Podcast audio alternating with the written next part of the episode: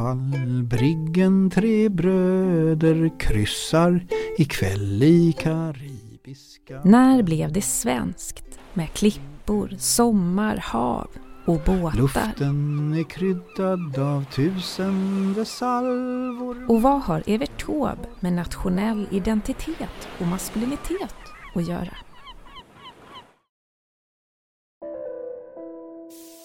Ja, vad gömmer sig i de glada låttexterna om sjömän och flickor i andra delar av världen? Vad kan sjömansvisorna säga om den tid då de skapades och nådde stor popularitet i Sverige?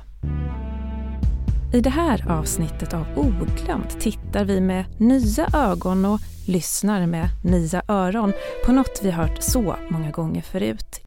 Evert Taubes sjömansvisor med hjälp av historikern Henrik Arnstad. Och vi kommer titta på en hel del texter som i vår tid anses vara både stötande och rasistiska men som ändå säger något om vår historia. Välkommen till Oglömt och vi som gör det här programmet heter Moa Svan och Li Kolker. Och nu ska vi också säga välkomna till Henrik Arnstad som har skrivit en artikel om nationalism och Evert Taube. Vad har det med sjön och havet att göra? Ja, det är det som är så konstigt med Sverige. Det uppstår den här enorma vågen av, av sjömansvisor från ja, 1919 och fram till ungefär 1960. Och de är helt unika för Sverige, den här craze kallade jag det för i, i, i, i min studie. Att eh, de då hundratals låtar om sjön och sjömän och sånt där och inga, inga har ju då liksom egentligen en anknytning till sjön och sjömän. Liksom, utan de påverkar då i grunden svensk nationalism istället och gör då att Sverige går från den här traditionella inlandsnationalismen, Dalarna, eh, knätofsar, eh, till att bli den här maritima nationella identiteten och den är då vad jag vet men nu har jag kollat det med ganska många människor, helt unik för Sverige. Det är helt unikt för Sverige det här. Den svenska, perfekta svenska midsommaren är på en skärgårdsö. Och då börjar du med att prata om eh, nationen som någonting som egentligen måste matas hela tiden. När man väl liksom bestämmer sig för att man vill ha en nation eh, så kan man bestämma det och sen måste den, men sen måste den matas helt enkelt med, med mat. Och då kan eh, populärmusik vara en sån föda för nationen. Ja, Hur menar du då? verkligen. Och eh, det här är någonting som eh, man inte riktigt tänker på, för man tänker på nationalistisk musik, då tänker man liksom på, på nationalsånger och det är liksom stora pampiga statliga symfoniorkestrar som Rule Britannia, Britannia. Så eh, men forskningen visar ju då att det som verkligen påverkar oss det är det här vardagliga, det här matandet, precis som du säger. Liksom det här att, att nationen hela tiden finns i populärkultur. Och populärkultur är så lysande bra källmaterial för en historiker också. För det, eh, framgångsrik populärkultur har en påverkan vi kan liksom, det, folk köper det helt enkelt. Man köper musik, man köper biobiljetter, man köper vad det nu handlar om. Liksom. Och då kan man då se att är det här liksom en, en, en stor populärkulturell trend, vad det nu än vara månde liksom, och i det här fallet då mm, populärkulturell musik, så vet vi att människor påverkas av det och det är det som händer. Och det roliga är då att det, det är ingenting som är planerat här. Det är inte så att Evert Taube satt 1919 och tänkte hehehe, nu ska vi göra svensk nationalism maritim. Utan det bara händer av sig själv. Och så vet vi liksom, hur gick det här till och varför hände det? Varför händer det här bara i Sverige och inte något annat land? Men du menar alltså att före 1918-19 så är inte vet det, skärgården en del av den svenska identiteten? Nej, det finns liksom självklart skildras skärgården, Hemsöborna, och Strindberg till exempel och så vidare. Men om man tittar på Hemsöborna då är ju skärgården ett ganska besvärligt ställe. Jag tror att eh, i Dr. Glas så säger Hjalmar Söderberg att skärgården är så ful, ett kargt landskap av spruckna stenar och sådär.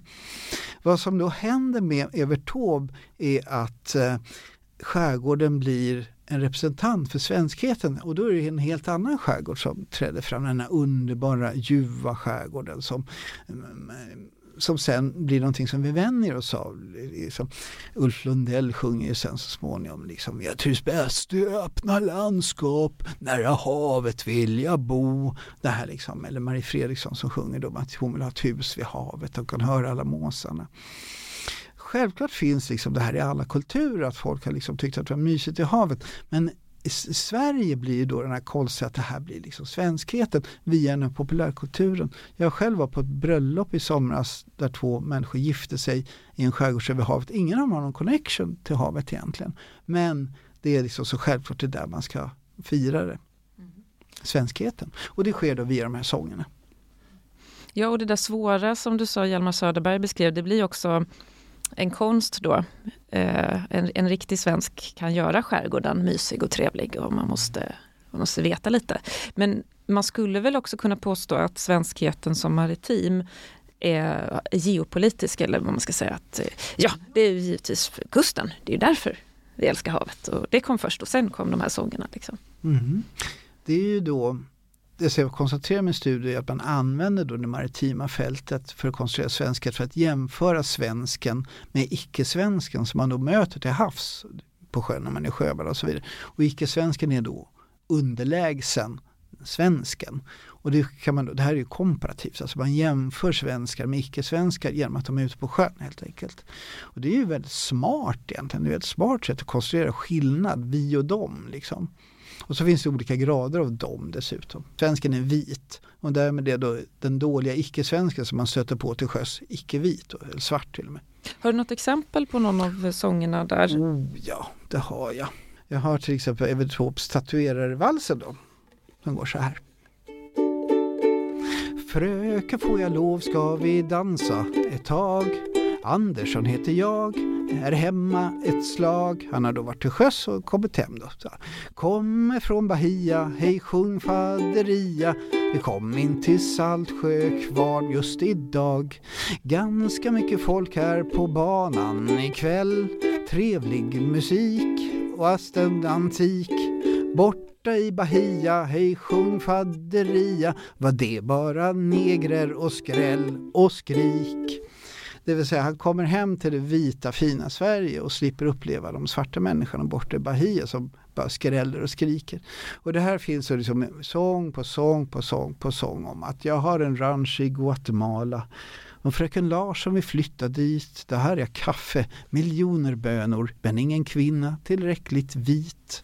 Aj, aj, så, att, ja så det här är då liksom ett stående tema i de här sångerna. Hur då de svenska sjömännen möter icke-svenskan som då i varierande grad är då inte lika vit arisk german som svensken själv.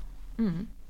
Men det är ju väldigt svårt att tänka på det där som någon slags vithetskonstruktion. Eh, det känns ju inte alls som att den moderna svenska identiteten nödvändigtvis kopplar ihop skärgården eh, på det sättet. Nej, och där ser vi också det anledningen till att det är unikt för Sverige. Det är nämligen så att skärgården, det havsnära, är då i traditionell inlandsnationalism som finns i alla andra länder. Liksom. Det kopplas samman med risken risken av det transnationella kustlandskapet har då kontakt med oceanen och med icke-nationen. Liksom. Det, det, farliga kulturutbytet. Farliga. Mm. Ta till exempel Norge som är ett utpräglat kustland. Det är bara kust, det finns ju nästan inte så mycket mer liksom än kust. Och man lever på sjön, man lever på oljeindustrin och så vidare. Och ändå är det så att vad är typiskt norskhet? Jo, det är gå på tur, aldrig sur. Man är inlandsnationalism i Norge. Och man understryker också då liksom i källmaterialet att akta er för havet, för havet är så stort och där bor då de icke-norska. Så det finns en risk här med, med, med havsnationalism och det är det som gör att det av en slump bara är Sverige på hela världen.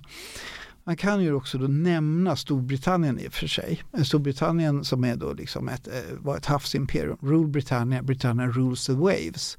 Men då är det mer en statsnationalism. Nationerna i England, England, eller Storbritannien, England, eh, Wales och sånt där, de har ju klassisk inlandsnationalism. Den stora engelska hjälten är Robin Hood, som ju Lee Kortke vet att jag intresserat mig för. Eh, och eh, Lord Nelson och eh, kung Arthur, King of the Britons, det ses liksom som farliga saker. Mm. Men det är helt obegripligt då tycker jag hur det blir så, liksom, att vi börjar med en inlandsnationalism även i Sverige där det är Dalarna och så blir det Skansen och där är det bara Dalarna så att säga. Eh, och, och sen plötsligt då i början på 1900-talet så blir det liksom havet och äventyren på havet och sen blir det skärgården och där är vi fortfarande.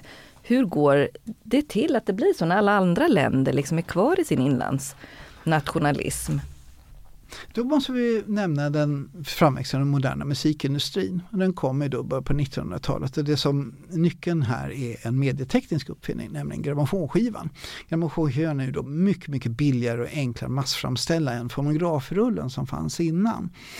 Så då kommer då grammofonskivorna och så kommer de här moderna grammofonspelarna också som är resegrammofoner kommer på ja, 1910-talet, 1920-talet slår igenom. Och då köper folk de här och vill ha skivor. Så det blir ett enormt sug efter skivor med, med musik på. Och framförallt då vill man gärna ha svenska skivor i Sverige. Det finns inga svenska skivbolag. Så då dammsuger liksom de här internationella skivbolagen, His Masters Voice, de här marknaden efter, finns det någonting, har vi någonting liksom? Och så kommer då 1918, 1919 Evert Taube med den här dikten om Karl Alfred och Elinor och han är då ganska ung, före detta sjöman. Och eh, den sjungs in av revyartisten Ernst Rolf och det blir liksom en minor hit. Eh, och så sjunger Evert Taube in den själv den här låten.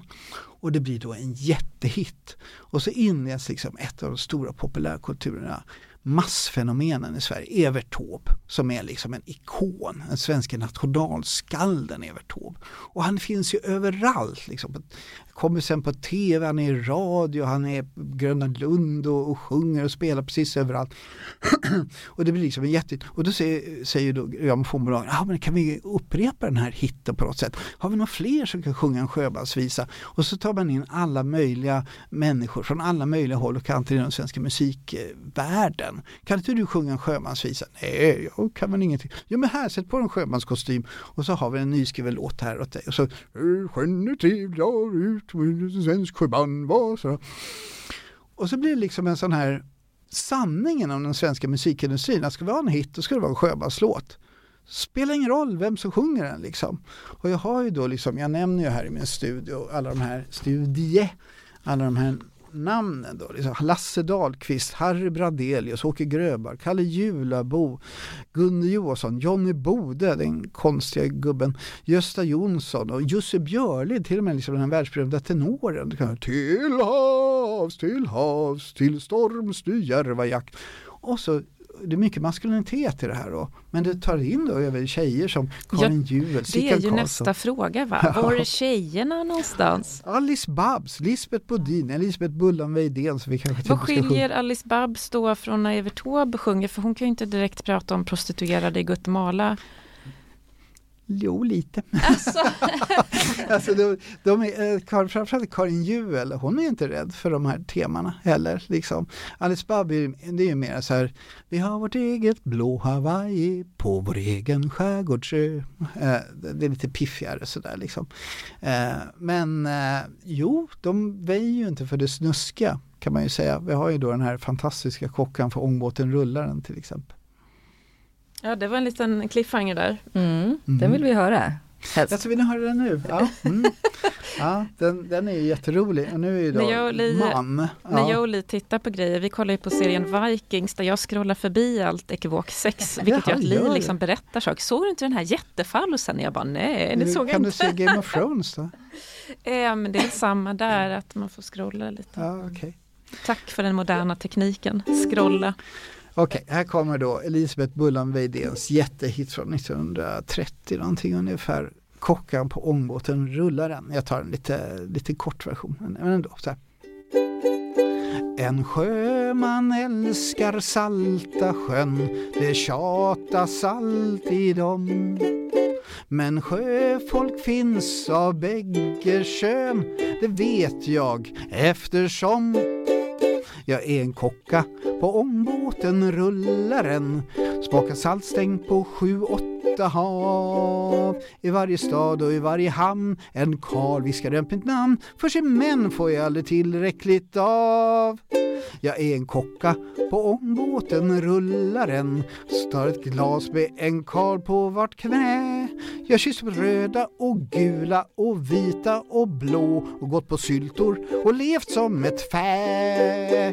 Och så sjunger hon då en hel låt om hur hon ligger med män över hela världen och oavsett oavsett liksom var de är någonstans. Så, så, eh, jag är en kock på så kände konsten att fixa en man. Jag lurar karln i kabyssen in och bjuder på port och vin och smekar hans lilla skälvande hand. Se hur det tisslar och tasslar kring gatorna när som att blonda Kristin går i land. I en korseld av lågande blickar jag går med en nygräddad pudding i hand. Oj, oj, oj. Wow. Det är 1930 ungefär. 1930 och vi som trodde att den här eh, kvinnor som tar för sig är liksom någon slags nymodernt fenomen.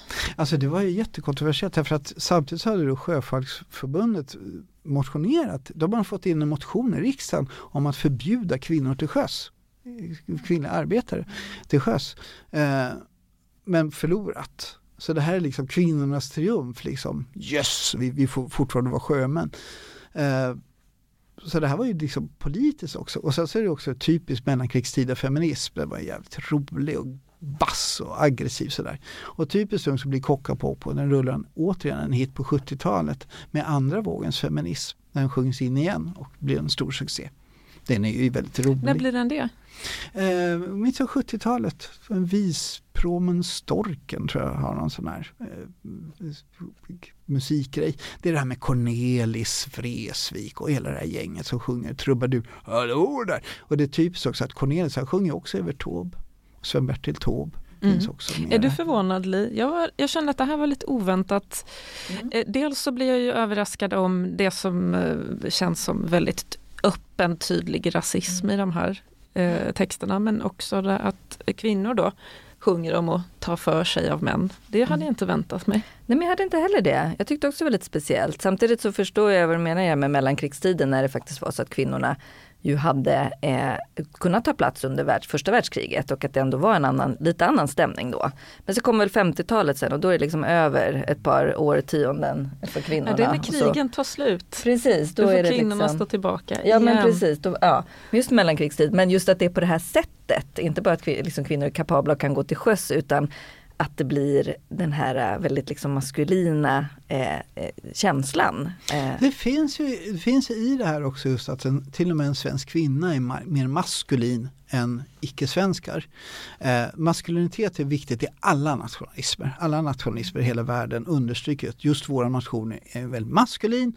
En annan sak som alla nationalismer understryker är att vår nation är speciellt frihetsälskande frihet, liberté, liberté chérie sjunger man i Marseljäsen och, och eh, amerikanska nationalismen understryker frihet och britterna never Britons will be slaves. Liksom. Alla nationer är väldigt frihetsälskande.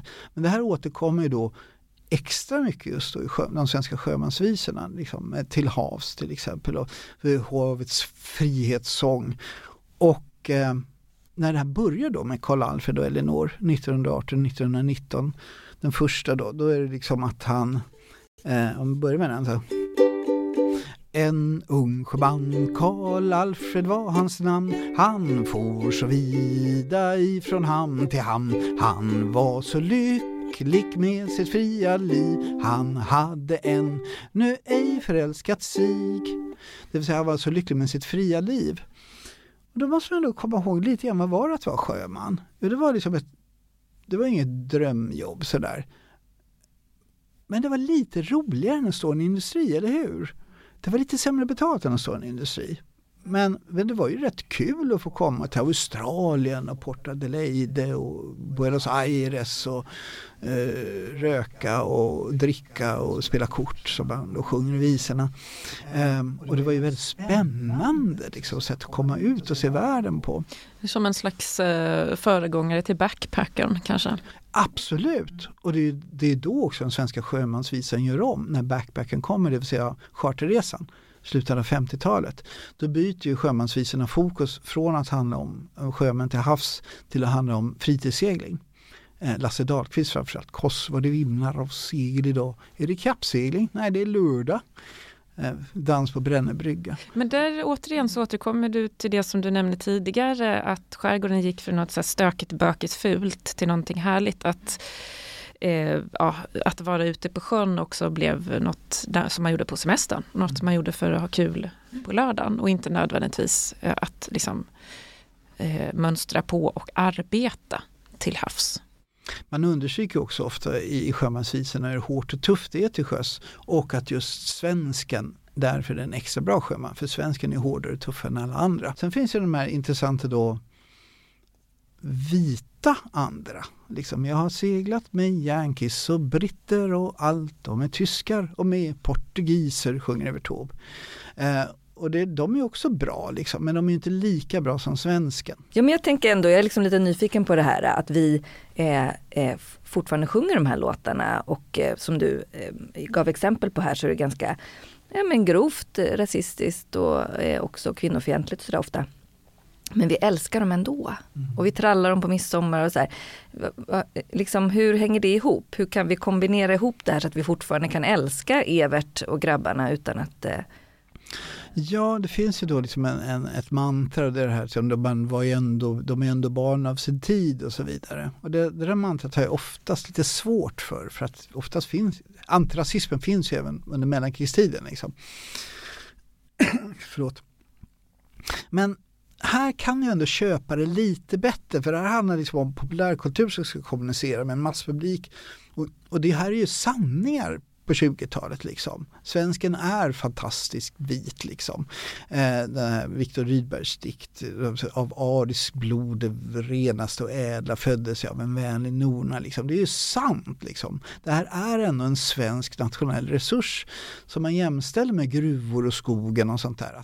Den här myten om den ariska rasens evighet och att man eh, genom att visa att man har varit isolerad historiskt sett. Alltså det är väl också en del av den här vikingabilden, eh, konstruktionen som vi också pratat om Li, att man tänker sig att vikingen då på något vis ska vara en slags ren vithet och att vara liksom uppe i bergen eller vara i skogen är liksom eh, legit då för då tänker man ja, ah, vi har inte beblandats. Och så pratar du om havet då som, som den här platsen där man liksom tänker sig att folkslag beblandas. Det är ju en, det är ju en idé som det inte finns någon sanning i eftersom att världen har varit blandad hela tiden. Så att... Man framhåller just det här med risken som uppstår för svensken, den arisk-germanska vita svensken. Risken att ta sig ut eh, och bli då förförd av den kvinnliga, det vill säga feminina icke-svenskheten. Hon var från Fiji Island, jag föll i hennes garn. Och så blir resultatet två nästan svarta barn. Det är en katastrof för svenskheten då, som då Evert Taube skildrar i, i, i, en av sina ballader. Eh, samtidigt så finns ju då fördelen här att svensken i sin fantastiska överlägsenhet faktiskt kan liksom dominera världen. Han kan ju då visa hur, hur duktig och able han är att, att ta hand om världen. Det här ser man alltså i samtiden, om man ska försöka förstå samtidigt, så ser man det här som en svensk nationell resurs som vi ska ta tillvara på. Men samtidigt så är då liksom det här exportindustri-Sverige, det är inte bara vardande, det har liksom gått igång liksom i slutet av 1800-talet.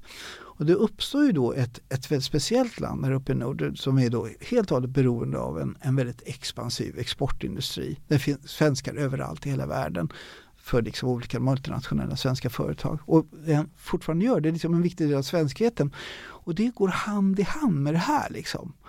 Eh, jag, jag mötte en sån baltisk eh, handelsminister när Baltikum precis hade blivit fritt. Jag intervjuade honom då. Och då sa han att vad man än vad det än är en flygkatastrof i världen så är det alltid en eller två döda svenskar. Mitt mål som handelsminister är att det ska även vara ett eller två döda litauer ombord på alla flygplatser.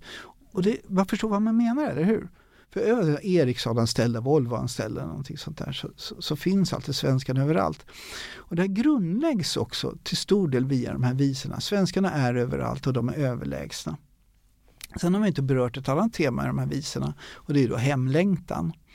Där man då från, alltså självklart är det då när de här stackars svenskarna befinner sig då en julafton på Hawaii i, i solen på kajen. Liksom, då längtar de hem till vinter och snö, sjömansdjup på Hawaii då, av, av ehm, eh, Yngve Stor, Hawaii-temat. Liksom. Populärkulturen eh, ger liksom ett utrymme för att glida lite eh, åt håll som man inte skulle tillåta sig i andra delar av kulturen eller samhället eller i forskningen för den delen och sådär. Får, man, får, jag, får, jag, får jag glida iväg en liten stund? Eh, jag har tittat på en annan svensk artist som också är ständigt återkommande rasistiska stereotyper. Det är Povel Ramel. på, vad Povel Ramel gör, framförallt under 70-talet faktiskt, där han liksom, när han håller på med någonting som heter Sven Olssons trio, det är att han tar gamla rasistiska låtar från mellankrigstiden, amerikanska, och så översätter de till svenska. Det förvånar mig mer att det är okej. Okay. För 70-talet var liksom en ganska antirasistisk tid. Så det var medborgarrättsrörelsen hade gått igenom i USA och man hade liksom definierat svenskheten som antirasism. Liksom. Det känns ju också som att det där är så typiskt för nuet. Att man, liksom, man vill att allting ska vara så svart eller vitt. Det går liksom inte att lyssna på musik med någon som har något smuts. Det finns en ganska låg tolerans för smuts. Mm. Eh, skulle jag säga. Mm. Och att bara för att man lyssnar på Evert Taube eller hänger i skärgården, att det blir så mycket symbolik och eh, ja, moral. Sen är det ju väldigt, väldigt vackra låtar. Han var ju en fantastisk musikskapare över Taube och en fantastisk poet. Så skimrande var aldrig havet. Uh, alltså det, det, det, är vissa låtar är så vackra som man nästan dör. Liksom, sådär. Uh, och eh, även då, han fick ju frågan om han skulle skriva en svensk psalm och då sa han, jag har redan skrivit min psalm. Och det är då, så länge skutan kan gå, så länge hjärtat kan slå, så länge solen den glittrar på bälgen den blå. Och eh, Björn Wiman som är kulturchef på DN han skrev någon gång att det är ingen som fortfarande har sjungit in den perfekta versionen av Så länge skutan kan gå. För den är så otroligt vacker som poesi. Så att det går liksom inte, inte ens Sven-Bertil Taube som ju, det var ju sista han gjorde när han dog, att han sjöng in en, en inspelning av just Så länge skutan kan gå. Så att jag, har, jag känner ju liksom, får man säga att man är nationalistisk, lite stolt ibland. Så det, det kan jag känna liksom över det här kulturarvet som det här ändå är. Och jag menar ju då att, att jag liksom pekar på rasismen som finns i, alla, i många av de här visorna, liksom inte bara över Taube. Det, det, det är ju en självklarhet att vi måste få peka på det. Men det finns ju så mycket annat också. Liksom. Just det, som när man tittar på historia i största allmänhet så behöver vi kunna hålla flera saker i huvudet samtidigt. Vi måste kunna se och erkänna eh, det som finns där samtidigt som vi kan uppskatta eh, eh det vi också ser på något sätt. Alltså det måste finnas den här nyanseringen som vi har lite svårt för i vår tid, som du säger, det är svart eller vitt. Den behöver vi ändå jobba på. Men jag är också lite nyfiken, när kommer backlashen mot liksom eh, havet? Jag tänker vi började med en inlandsnationalism ju. Och är det så att den kommer komma tillbaka? Kommer det liksom strövtåg i hembygden som Mando Diao var det va, som gjorde? Jag tänkte på den då, så här, när kommer liksom inlandsnationalismen tillbaka? Den är här, den är här redan. Ja.